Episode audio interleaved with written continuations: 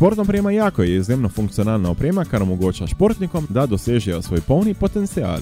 Izolacijski funkcionalni materiali vam nudijo najvišjo zaščito pred vetrom. Vodoporni funkcionalni materiali in zaprti glavni šivi zagotavljajo zanesljivo zaščito pred vlago. Pri nizkih temperaturah vas toplotno izolirane funkcionalne tkanine ščitijo pred mrazom in vam zagotavljajo optimalno telesno klimo. Pri podjetju Jako veljajo visoki standardni razredi glede izbire njihovega tekstila, ki ga redno preverjajo z inšpekcijskimi pregledi. Za podjetje Jako so značilne hitre rešitve in visoka prožnost ter prilagodljivost željam kupcev. Cilj podjetja Jako je hitra dostava želenih artiklov. V ta namen je okoli 95 odstotkov vseh artiklov iz kataloga dejansko na zalogi in dobavljivih takoj. Najdete jih na Gubčevi ulici 12 Elena, tu v slovenskih goricah, ali obiščete njihovo spletno mesto trikrat dovinjuje jako-slovenija.si.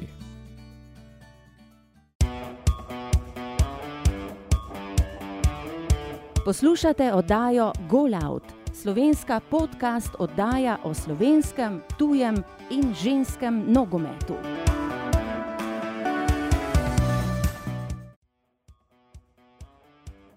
Štirinajst dni je na okrog in tukaj je nova podcast oddaja Golout. Tokrat je pred moj mikrofon stopila ena izmed redkih nogometnih trenerk, ki deluje na slovenski prvolegaški sceni.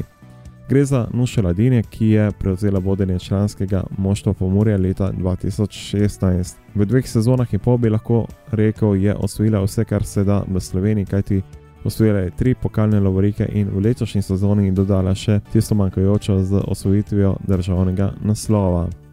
Nuša je tudi članica strokovnega štaba Boruta Jarca, ki je sveda selektor ženske reprezentance.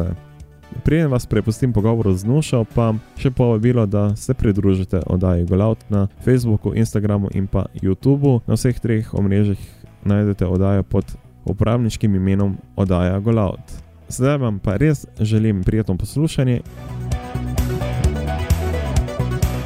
Imate vprašanje? Nam želite podati kakšno mnenje? Pišite nam na info.afna.golout.com ali prek družabnih omrežij, kjer nas najdete pod uporabniškim imenom Oddaja Golout.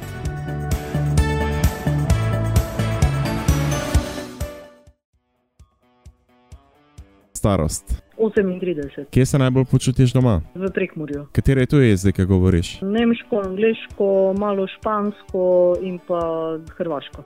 Hobi izven nogometa. Predvsem šport, zelo rada igram tenis, pa tudi dru- drugače, ne vem, kakšno kolesarjenje ali kaj. Kaj bereš? Zadnje čase največ strokovno literaturo v zvezi z nogometom. Kaj gledaš? Televizijo gledam redko, če pa že, pa rada pogledam kakšen dober thriller. Kaj poslušaš? Radio v avtu, Kateri predmet si imela najraje v osnovni šoli, če izpustimo športno vzgojo? matematiko. Kdaj si na zadnje jokala? Uh, se ne spomnim. Kdaj si bila na zadnje srečna? Zadnje čase imam kar veliko razlogov za srečo, tako da mislim, da ne vem, kakšnih par dni nazaj, Česa se bojiš? pajkov.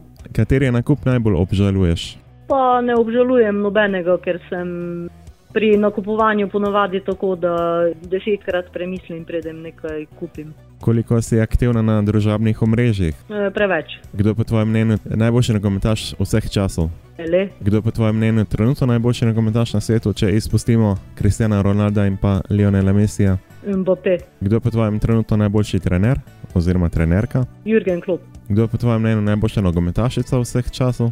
Marta, Kaj pa trenutno najboljša? Ada Hegerberg, Najboljša soigralka, s katero si igrala. Mateja Zver. Kaj pa najboljša nasprotnica? Uh, ne vem, ne bi nobene izpostavljala. Najtežje do- obdobje v karieri. Mislim, da zadnja tekma prvenstva pred dvema letoma. Najlepši nogometni trenutek. Pa dajva usvojitev naslova državnih prvakin, čeprav jih je bilo še veliko več, ki so bili zelo lepi. Katera tekma ti je najbolj ostala v spominu? Definitivno zadnja tekma prvenstva pred dvema letoma. Kakšna mora biti tekma, da po njej rečeš, da je bila res odlična tekma? Dinamična, z veliko priložnosti, z veliko lepih potez in pa za piko na i veliko gole. Katero tekmo bi si rada ogledala, pa je še nisi? Pa načeloma, če imam željo ogledati kakšno tekmo, si jo ogledam, mogoče v prihodnosti enkrat, ne vem, finale kakšnega ženskega velikega tekmovanja. Predvidevam, da imaš priljubljeni klub, zato me zanima, za koga ne vijaš in zakaj. Načeloma nimam priljubljenega kluba, jih je kar nekaj. Eh, ponavadi, ko začnem gledati tekmo, si nekako izberem favorita na podlagi tega, kakšen pristop imajo in kakšno igro pokažejo v prvih desetih minutah. Po komu se zgleduješ, če izuzamemo nogomet? Recimo, da po starših. Kaj pa v nogometnem smislu? Moja velika vzornica v trenerskem svetu je definitivno nekdanja nemška selektorica eh, Silvija Knight. Imaš kakšen življenjski moto?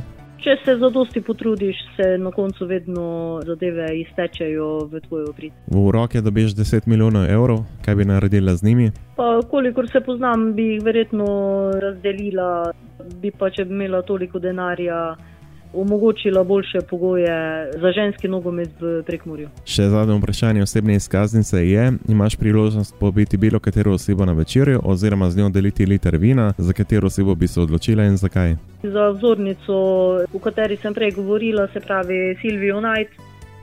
Ne vem, bi jo malo povprašala, kakšna je njena eh, miselnost, kakšen je način nogometa, ki ga je ona znašala v reprezentancu in nasplošno v nogometu. Televizijsko oddajo lahko spremljate vsak torek ob 21. na GoTV.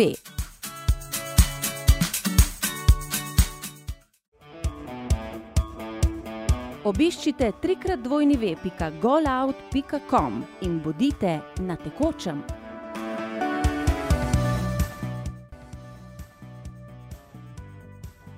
Tako, to je bila tokratna osebna izkaznica, sedaj pa pošiljam lepe pozdrave v Prekmurje, kajti moja tokratna gostja Nuša Ledinek je z tistih koncev doma, pa tudi bi lahko tako rekel, da je ona tudi tista prva, ki se je nekako drugič pojavila v podkastu Daj, kajti njo sem že gostil v sedmi oddaji, takrat je bila tematika, ko je bil še moj sovoditelj Marko Lazar, nogometni trener oziroma nogometna trenerka. Tokrat pa njena zgodba, Nuša, lepo pozdravljena na vodaji Golaut. Lepo zdrav. Nuša, preden se dotaknemo aktualnih zadev, kot z večino mojih gostov, gremo na začetek tvoje nogomet poti. Kdo te je navdušil za nogomet? Bi rekla, da so vrstniki, vsi sosedje so bili fanti, nobene deklice ni bilo mojih let v kraju, kjer sem odraščala in enostavno mi ni preostalo drugega, kot ime brcati žogo. Sicer tako neko leta si že izdala v osebni izkaznici, ni bilo čudno, glede na to, da pred toliko leti so gledali malce drugače, da igra ženska nogomet oziroma deklica? Jaz kot osnovno šolka niti nisem imela možnosti se vključiti v nek klub, tako da sem v bistvu z treniranjem nogometa začela, mislim, pri 17 letih, kar je za današnji čas verjetno težko predstavljivo za neko igralko, ki potem uh, odigra nekaj sezon. Ja, bili so drugi časi, ne vem, zdaj recimo se igralkam dogaja, ko pridejo kupiti nogometne čevlje, pa te noben ne gleda čudno, takrat si, ne vem, smo si ponovadi iskali izgovore, da iščemo kopke za bratranca, za brata ali karkoli, da nisi bil tako čuden. Sicer pa je bil nogomet tisti prvi šport za te ali si imela še kaj drugega, si morda trenirala kakšen drugi šport? Ma, jaz sem v osnovni šoli v otroških letih trenirala kar nekaj športov. Ne vem, spomnim se, da sem kar nekaj, mislim, 5-6 let trenirala odbojko. Poizkusila sem se v rokometu, pa mi ni bilo glih všeč. V osnovni šoli sem začela tudi z treniranjem karateja, ki me je v bistvu v teh eh, mladih letih eh, še najbolj zasvojil.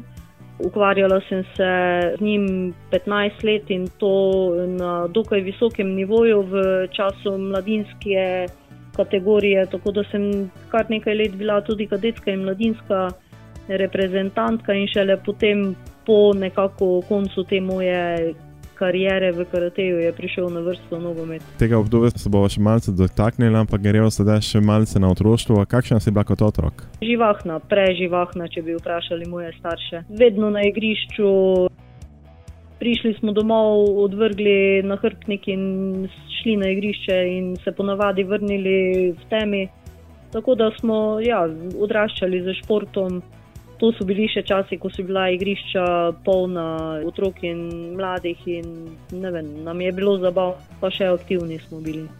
ko ni bilo digitalnih naprav, oziroma ni bilo mobilnih pa družabnih omrežij. Tako je. Ja. Kakšna si bila v šoli? Si bila med pridnimi ali si tudi tam morda kakšno špičila? Starši so pričakovali od mene dobre rezultate v šoli in na podlagi tega sem si lahko marsikaj privoščila, tako da celo osnovno šolo in tudi v času gimnazije sem bila odličnjakinja.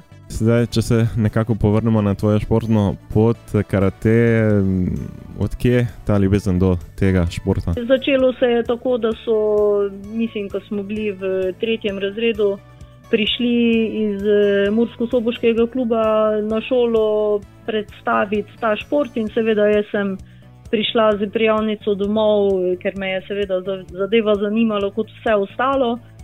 In takrat smo začeli z treningi dvakrat tedensko v okviru nekega krožka, po dveh letih pa nekako me je zadeva toliko pritegnila, da sem se vključila tudi treningom v Murski soboti in od takrat naprej je bila zgodba kar eh, resna. In, vem, en čas sem še trenirala odbojko zraven, in pol, ko sem videla, da enostavno ne zmorem več časovno, sem se pač odločila za karate in tam strajala. In, Prehodila eno lepo pot. Si bila, tako rekel, predvsej v dilemi. Po zavesti je verjetno tudi bil še nogometnik, čeprav ga nisi trenirala, ker nisi imela, tako rekel, možnosti. Ja, tudi ko sem trenirala karate, smo veliko krat za ogrevanje odigrali partijo nogometa. V bistvu tako sem prišla tudi na prvi trening nogometni, ker ena moja sotekmovalka je trenirala tudi nogomet. Ko je videla, kako uživam v tej igri, me je usmerila do enega trenerja, ki se je takrat v Murski ukvarjal z tem in tako sem obiskala prvi trening, potem se je pa zgodba kar hitro odvijala. Pogosto krat tudi vprašam, sama si lep primer tega. Je to dobrodošlo, da otrok eh, poskusi čim več športov v svoji mladosti, da potem se bom tako rekel, pri 15-16, potem dejansko res odloči za tisti šport, ki mu je najbolj ljub? Po moje, ja, ker vsak šport ti da neko novo izkušnjo in vem, v več športih se preizkusiš lažje se potem na koncu odločiš, pa tudi vsak šport ti da neko drugo gibalno izkušnjo in to je vsekakor dobrodošlo na koncu, ko se pa specializiraš za določen šport. Ne. Recimo jaz te izkušnje iz karateja, ki je vseeno individualni šport, veliko krat prenašam v nogomet, ki je ekipni šport in marsikatere stvari, ki sem si jih naučila kot individualni športnik mi zdaj pridejo prav pri, vem, pri delu z, tudi pri delu z ekipo. Če se zdaj nekako premaknemo na nogometne zelenice, kako se spominjaš teh prvih tekem, ki si jih odigrala? Spomnim se bolj slabo. Vem, da sem prišla na prvi trening in na naslednjem treningu prišla nekako na tej točki, ko sta se združevala dva kluba. V Prekmorju, ker sta takrat obstajala dva, in takrat smo se preselili v Filovce. Ne vem, meni je bilo v prvi vrsti fajn, ker sem vseeno prišla v ekipni šport. Ta občutek pripadnosti je veliko večji kot v individualnem športu. Pa mogoče ena anekdota, spomnim se, mislim, da je bila prva tekma. Pa mi je trener rekel, ko sem stopila v igro igrati štoperja, pa mi ni bilo čisto jasno, kaj zdaj delati na igrišču, pa kam točno se postaviti. Tako jaz sem se kar eh, mogla veliko stvari naučiti sproti, ki so jih ostale že znale. Ne. E, sicer pa na kateri poziciji si potem najraje igrala? Ma večinoma sem igrala na levi strani ali levo bočno branilko ali pa levo krilno napadalko. Dokaj kratka nogometna karjera, kljub temu vseeno 80 tekem na slovenski sceni, trije zadetki, splošen komentar tega obdobja. Sem nogomet igrala veliko večino časa, sem bila študentka v Ljubljani se nekako delovalo po principu, kot zdaj deluje velika večina ekipe, ki jo treniram. Se pravi, med tednom sem bila v Ljubljani, prišla v petek domov, šla na trening v nedeljo na tekmo in nazaj. Meni je bil takrat nogomet ena oblika rekreacije, koli nisem ne vem, nekih ambicij. Menjati klub ali karkoli, pač bilo je fajn biti del ekipe, bilo je fajn se malo razgibati pa še rezultate smo dosegali kar lepe. Tako da ne vem, pač rekreacija na malo bolj resen način. Potem si dodala še eno sezono v futsalu, torej si preizkusila tudi eh, mali nogomet. Ja, to smo se v klubu odločili, pa bomo probali nekako s to veteransko ekipo vseeno. Še vedno igralke zelo mlade končujemo in končujejo z aktivnim igranjem nogometa. In smo videli, da nas je kar nekaj ostalo v prekmurju, ki bi na nek način rade igrale, pa nismo vedeli točno kako. In pol smo se pač odločili za to futsal ekipo in uh, odigrali eno sezono, in to je to. Televizijsko oddajo lahko spremljate vsak torek ob 21. na GoTV.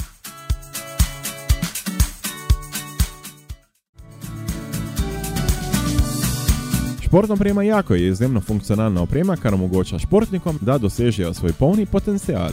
Izolacijski funkcionalni materiali vam nudijo najvišjo zaščito pred vetrom. Vodoporni funkcionalni materiali in zaprti glavni šivi zagotavljajo zanesljivo zaščito pred vlago. Pri nizkih temperaturah vas toplotno izolirane funkcionalne tkanine ščitijo pred mrazom in vam zagotavljajo optimalno telesno klimo. Pri podjetju Jako veljajo visoki standardni razredi glede izbire njihovega tekstila, ki ga redno preverjajo z inšpekcijskimi pregledi. Za podjetje Jako so značilne hitre rešitve in visoka prožnost ter prilagodljivost željam kupcev. Cilj podjetja Jako je hitra dostava želenih artiklov. V ta namen je okoli 95 odstotkov vseh artiklov iz kataloga dejansko na zalogi in dobavljivih takoj. Najdete jih na Gubčevi ulici 12 v Lenatu v slovenskih goricah ali obiščete njihovo spletno mesto trikrat dovinjuje jako-slovenija.si.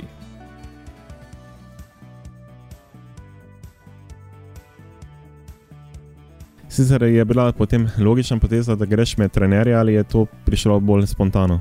Pa jaz sem se odločila za konec igranja, predvsem zaradi službe in težko mi je bilo usklajevati službo z treningi, z tekmami in enostavno v enem momentu sem se zavedla, da nisem prava ne na eni, ne na drugi strani in sem se odločila, da bom končala in potem, mislim, da po enih, dveh, treh mesecih sem ugotovila, da mi je bilo fajn biti del tako ekipe kot del kluba ne? in da je nogomet pač en šport, ki me zanima in eh, tako sem nekako prišla.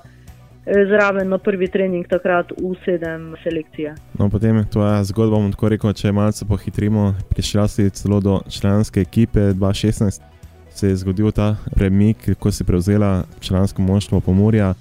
Verjetno to bil tudi nek pokazatelj dobrega dela v preteklosti, pa tudi nek nov izziv. Ja, jaz sem tisto sezono 2016 v bistvu prevzela ekipo U17 in potem je pač po nekem spletu okoliščin prišlo do tega, da se mi je ponudila priložnost prevzeti člansko ekipo.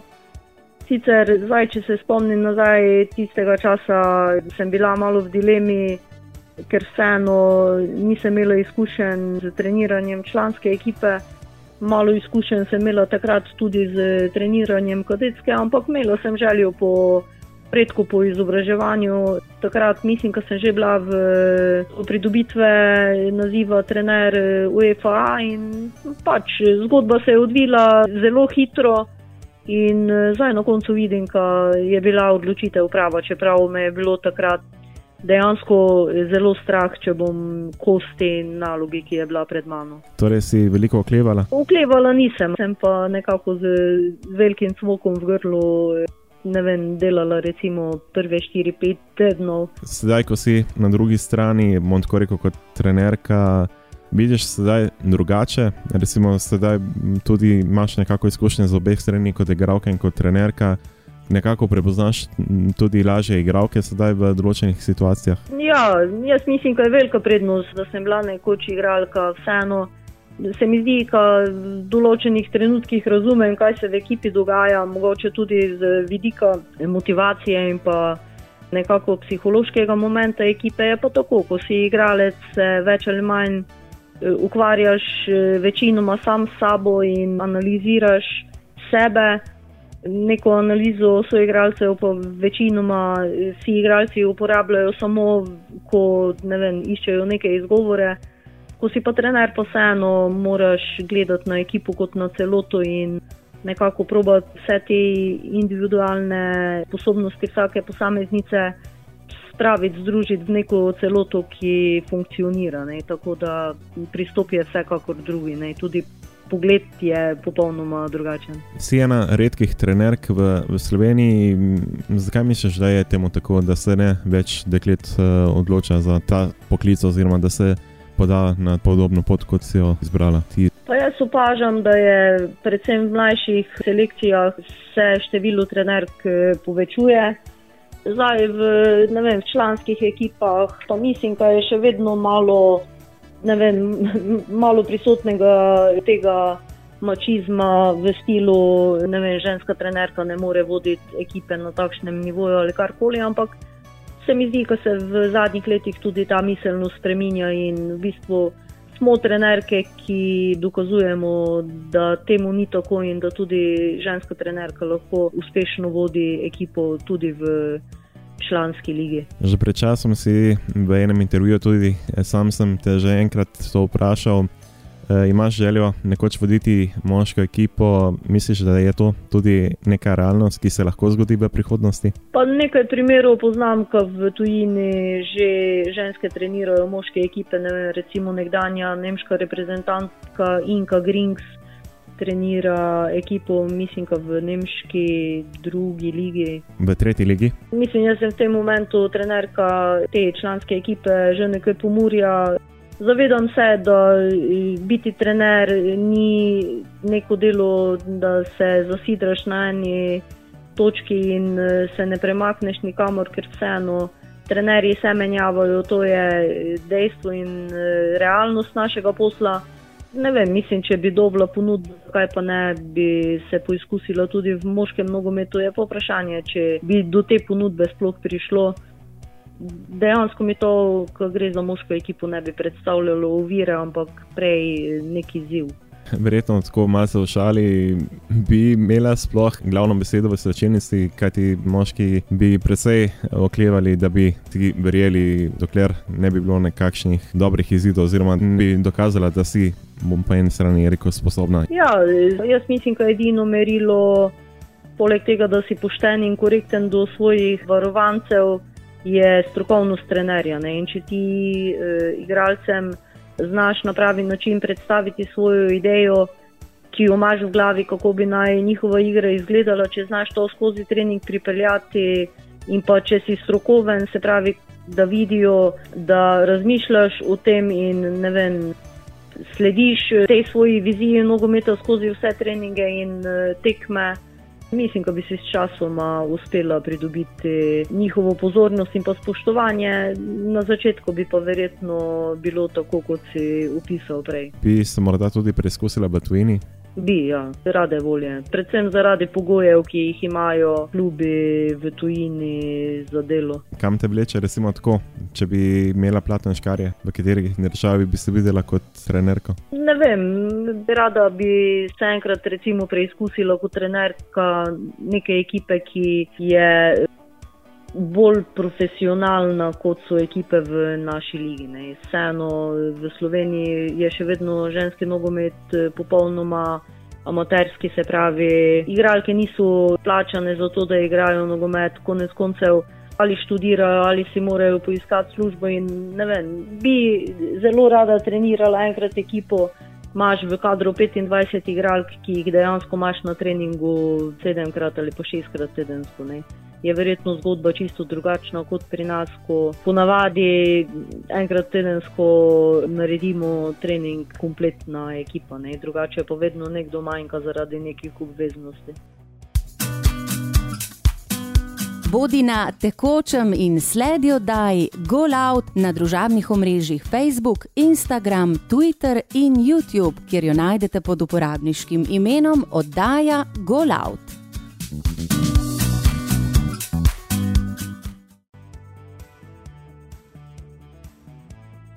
Dobro, če se zdaj malce premaknemo na letošnjo sezono, seveda iskrene čestitke ob osvojitvi državnega naslova.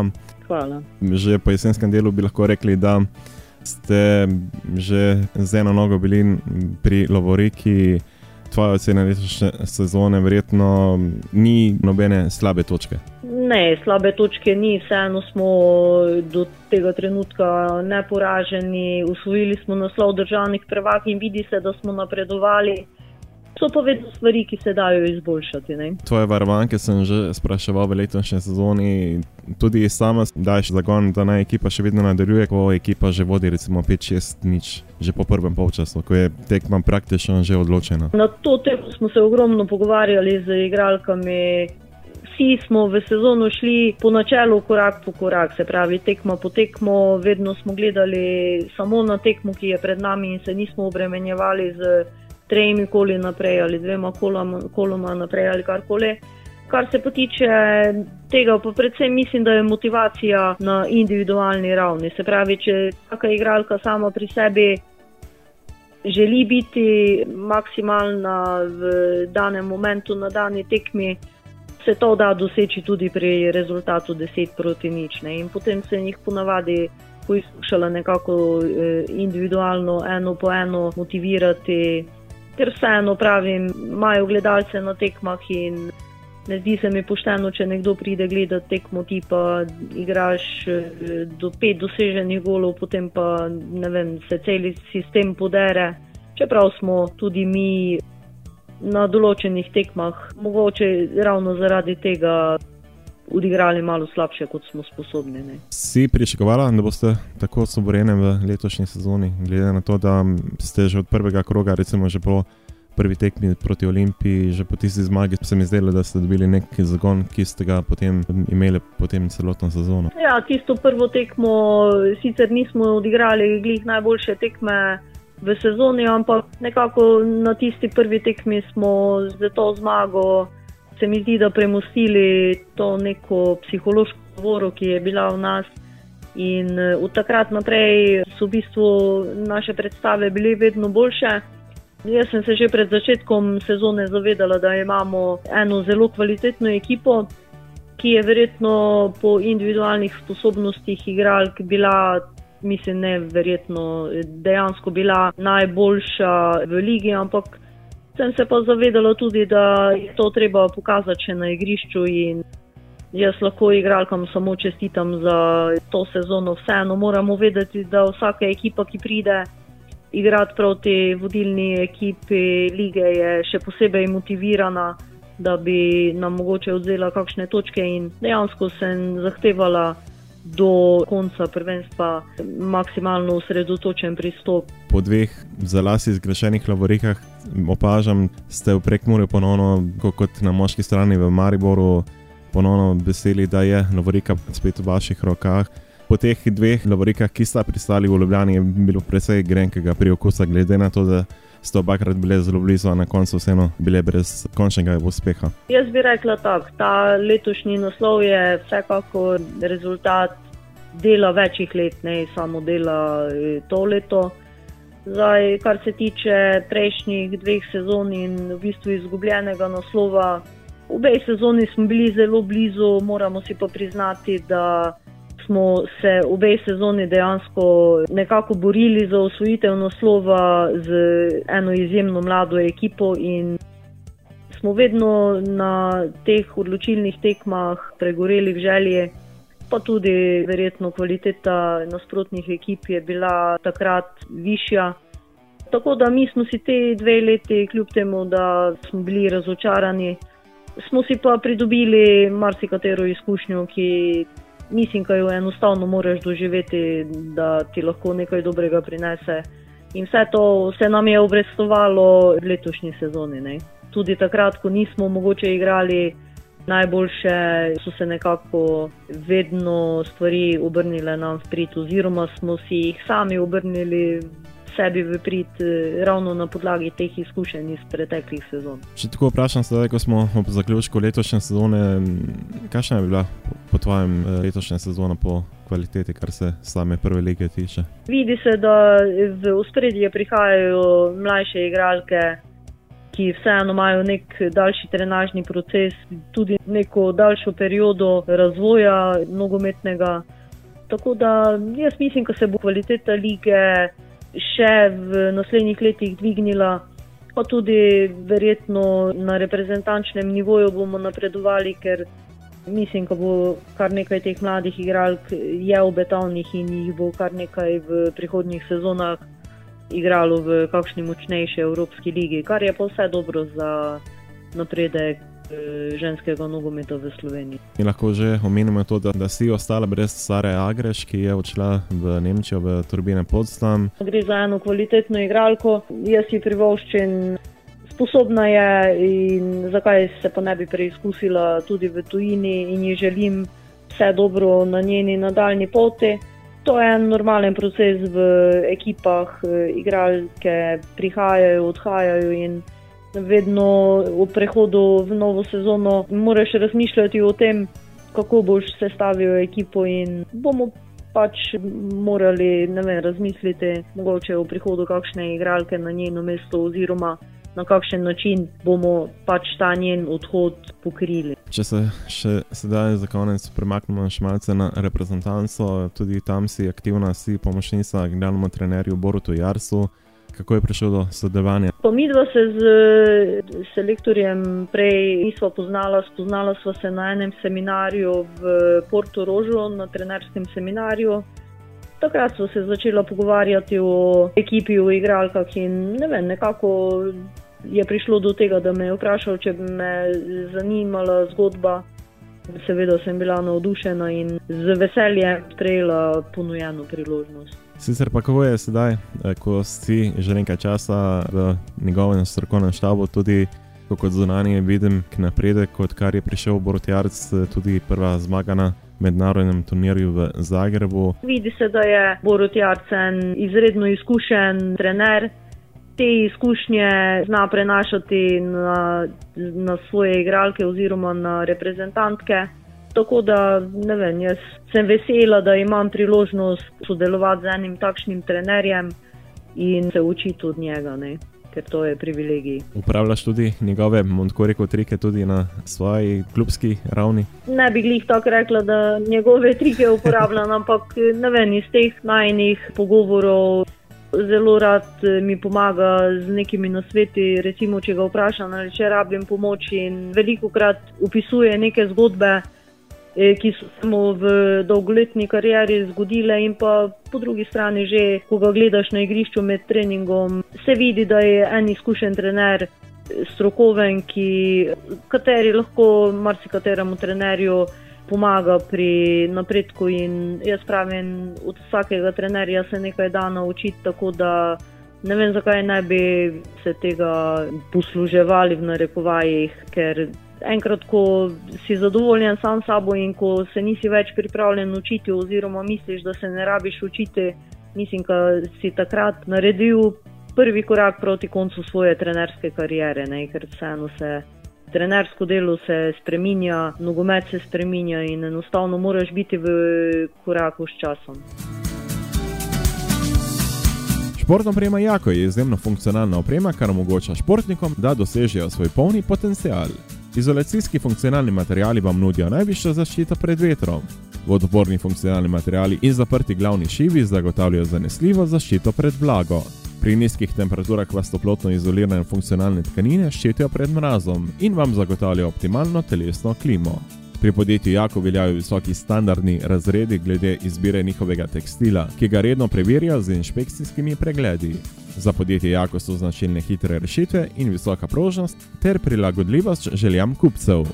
Cilj podjetja Jako je hitra dostava željenih artiklov. V ta namen je okoli 95 odstotkov vseh artiklov iz kataloga dejansko na zalogi in dobavljivih takoj. Najdete jih na Gubčevi ulici 12 Elena tu v slovenskih goricah ali obiščete njihovo spletno mesto trikrat dovinjuje jako-slovenija.com.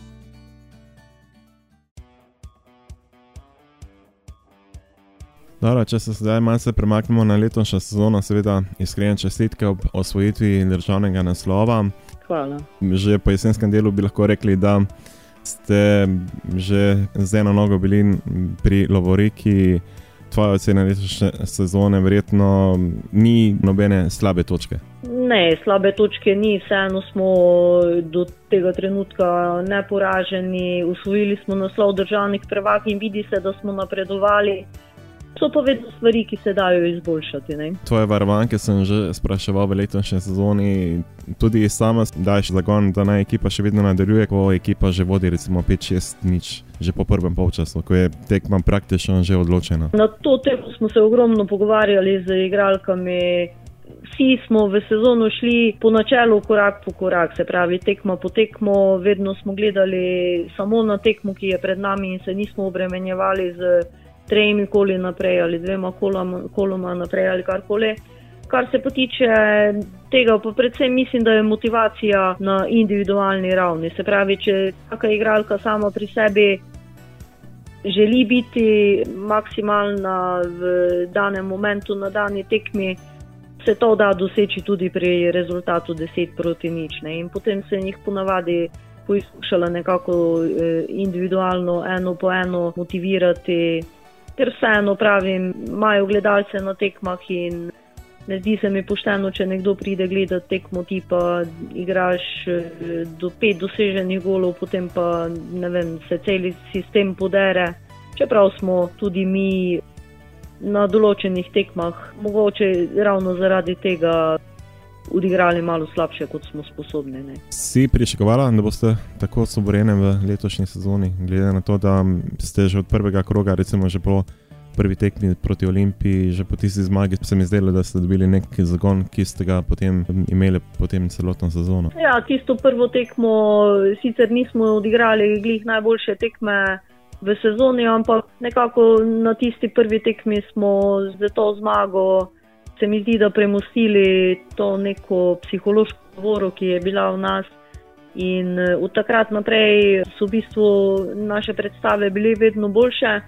Jaz sem se že pred začetkom sezone zavedala, da imamo eno zelo kvalitetno ekipo, ki je verjetno po individualnih sposobnostih igralk bila, mislim, ne verjetno, dejansko bila najboljša v ligi, ampak sem se pa zavedala tudi, da je to treba pokazati še na igrišču. Jaz lahko igralkam samo čestitam za to sezono. Vseeno moramo vedeti, da vsaka ekipa, ki pride igrati proti vodilni ekipi lige, je še posebej motivirana, da bi nam mogoče vzela kakšne točke in dejansko sem zahtevala do konca prvenstva maksimalno osredotočen pristop. Po dveh lasi zgrešenih laborikah opažam, ste v prekmurju ponovno, kot na moški strani v Mariboru, ponovno veseli, da je laborika spet v vaših rokah.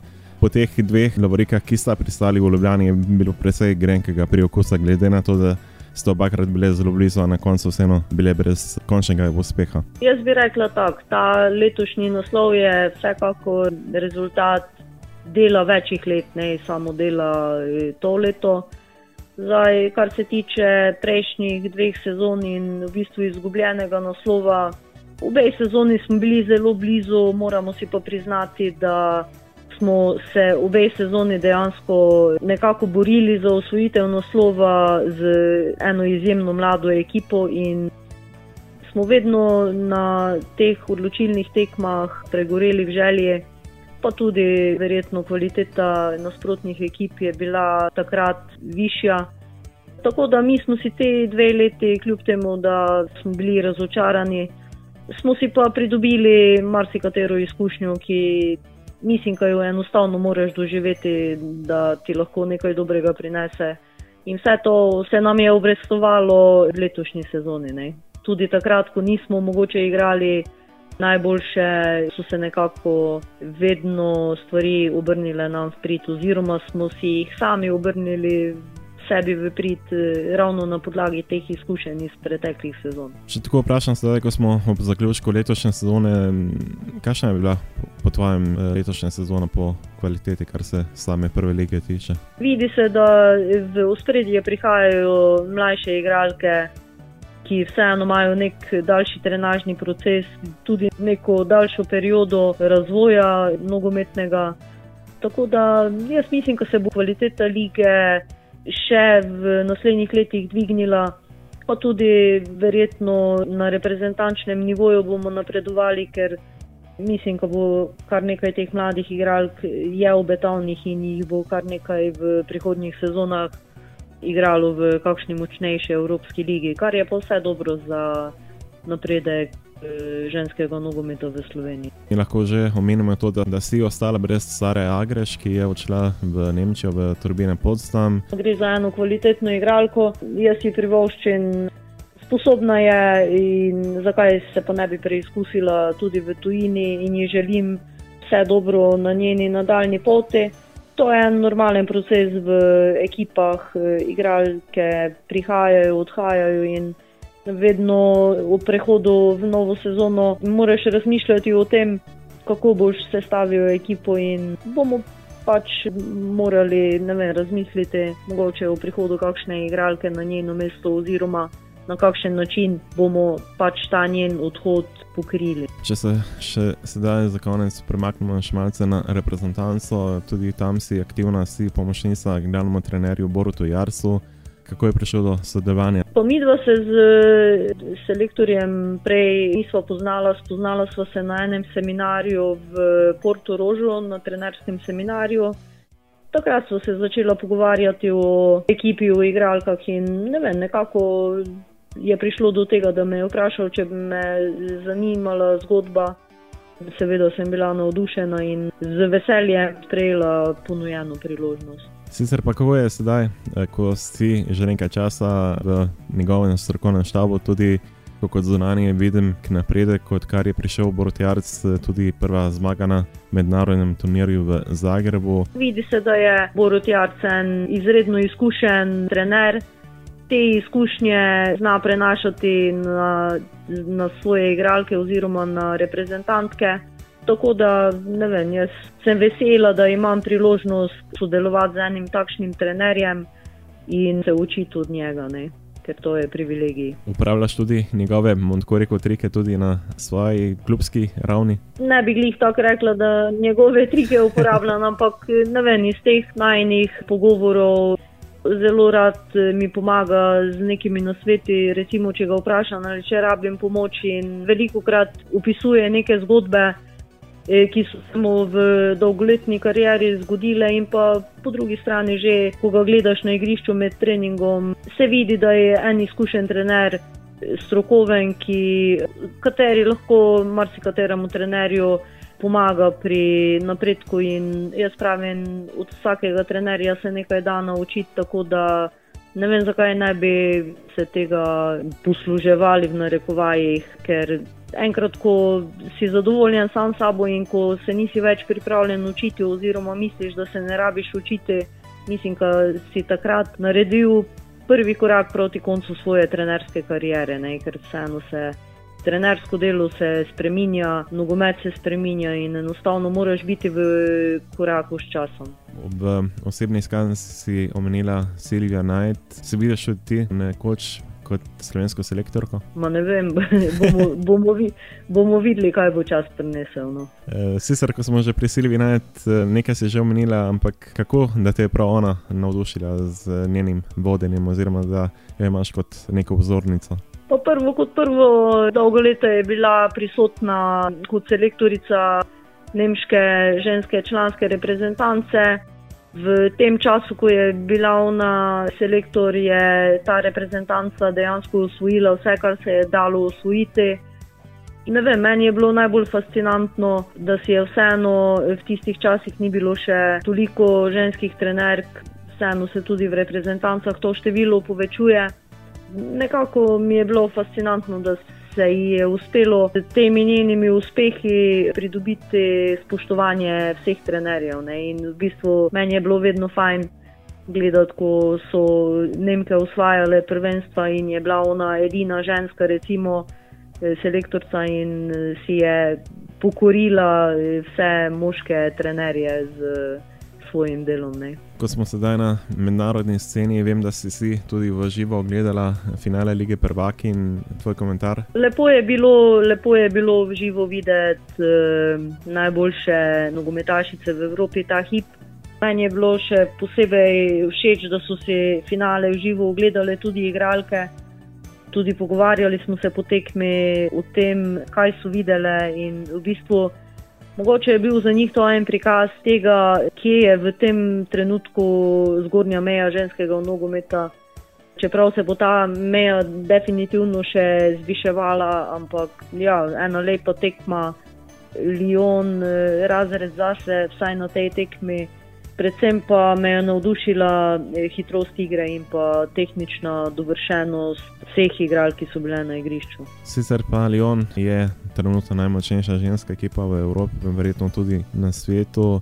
Koliko časa bi lahko bila ta ekipa še, tako rekel, nepremagana, oziroma glede na to, da trenutno ji obok lahko stoji le nemški Wolfsburg. Ja, koliko sem jaz spremljala te izločilne boje, niso bili, kljub temu, da so bili v finalu tako suvereni, skozi to pot do finala niso bili vedno toliko rezultatsko boljši od nasprotnic. Mislim pa, da dokler bodo imeli takšen proračun, kot ga imajo, vseeno mali on daleč najvišji proračun med evropskimi klubi, si bojo lahko privoščili nekako v to ekipo vključevati najkvalitetnejše igralke. Tudi takrat mislim, da jim bo težko kdo pariral, ker vseeno na koncu na tem najvišjem nivoju je tudi v ženskem nogometu. Vse je povezano z denarjem in s tem, koliko si lahko privoščiš neki igralki ponuditi. Splošno vprašanje je, kakšen bo recimo ženski nogomet čez pet let? Bomo gledali, recimo, tako kot v moški ligi prvakov, iste klube, tudi v ženske konkurenci? Ja, to je odvisno od nekih usmeritev in odločitev tistih, ki nogomet vodijo. Ne vem, jaz mislim, da se bo v naslednjih letih ta razlika med velikimi in majhnimi klubi še povečala in v bistvu ta nekako prepad med temi klubi bo še večji, ker eh, enostavno klubi, ki imajo neka finančna sredstva, klubi, ki imajo pogoje, bodo napredovali dosti hitreje kot klubi, ki so vem, amaterski in v državah, kjer še mogoče ženski nogomet ni tako razvit. Kaj pa meniš o slovenskem nogometu, kaj lahko od njega pričakujemo v prihodnih letih? Ne vem, uh, jaz upam, da bo napredoval. Vse je pa odvisno od tega, koliko energije in časa bomo klubi vlagali v delo z mladimi, ker vseeno najbolj pomembno za nek konstanten razvoj je vsakoletno privabljanje novih igralk v nogomet in pa predvsem, da se z temi mladimi igralkami dela čim bolj strokovno in kvalitetno. In če bomo sledili temu in če bomo klubi še naprej delali z mladimi, se bo kvaliteta ženskega nogometa v Sloveniji zviševala. Smo pa, po moje, odvisni tudi od tega, koliko zanimivi bomo mogoče kakšnim sponzorjem ali oglaševalcem. Če se bo višal nekako ta finančni vložek, se bo verjetno hitreje višala tudi kvaliteta same lige in nogometa nasploh. Kje se vidiš čez pet let? Ne vem, ne razmišljam tako daleč naprej. Dejansko vem, so moje misli malo že tudi pri eh, kvalifikacijah za Ligo Prvaka in tako da za pet let naprej, pa niti nočem ugibati, se bom rajši posila presenetiti. Eh, kaj pa če pa vprašam, kakšne cilje imaš z nogometom? Jaz si želim delati v nogometu in nekako pomagati igralkam biti boljše in napredovati. Tako da dejansko ostala bom v nogometu in mislim, da bom ostala v ženskem nogometu, zdaj na kakšen način, kje in zakaj pa pravim. Bomo videli, kaj bo prihodnost prinesla. Vseeno sem že do zdaj se naučila, da se včasih stvari znajo zelo hitro spremeniti in obrniti, in enostavno se včasih moraš prepustiti temu toku, in se na koncu zgodijo lepe stvari. Dobro, no, še prišla smo do konca najnega pogovora. Zahvaljujem se ti, ker si si vzela čas za ta pogovor. Želim ti vse dobro na nogometnih zelenicah, pa tudi izven njih. Ko bo kaj novega, si pa seveda ponovno dobrodošla v oddajo Galaut. Najlepša hvala za povabilo.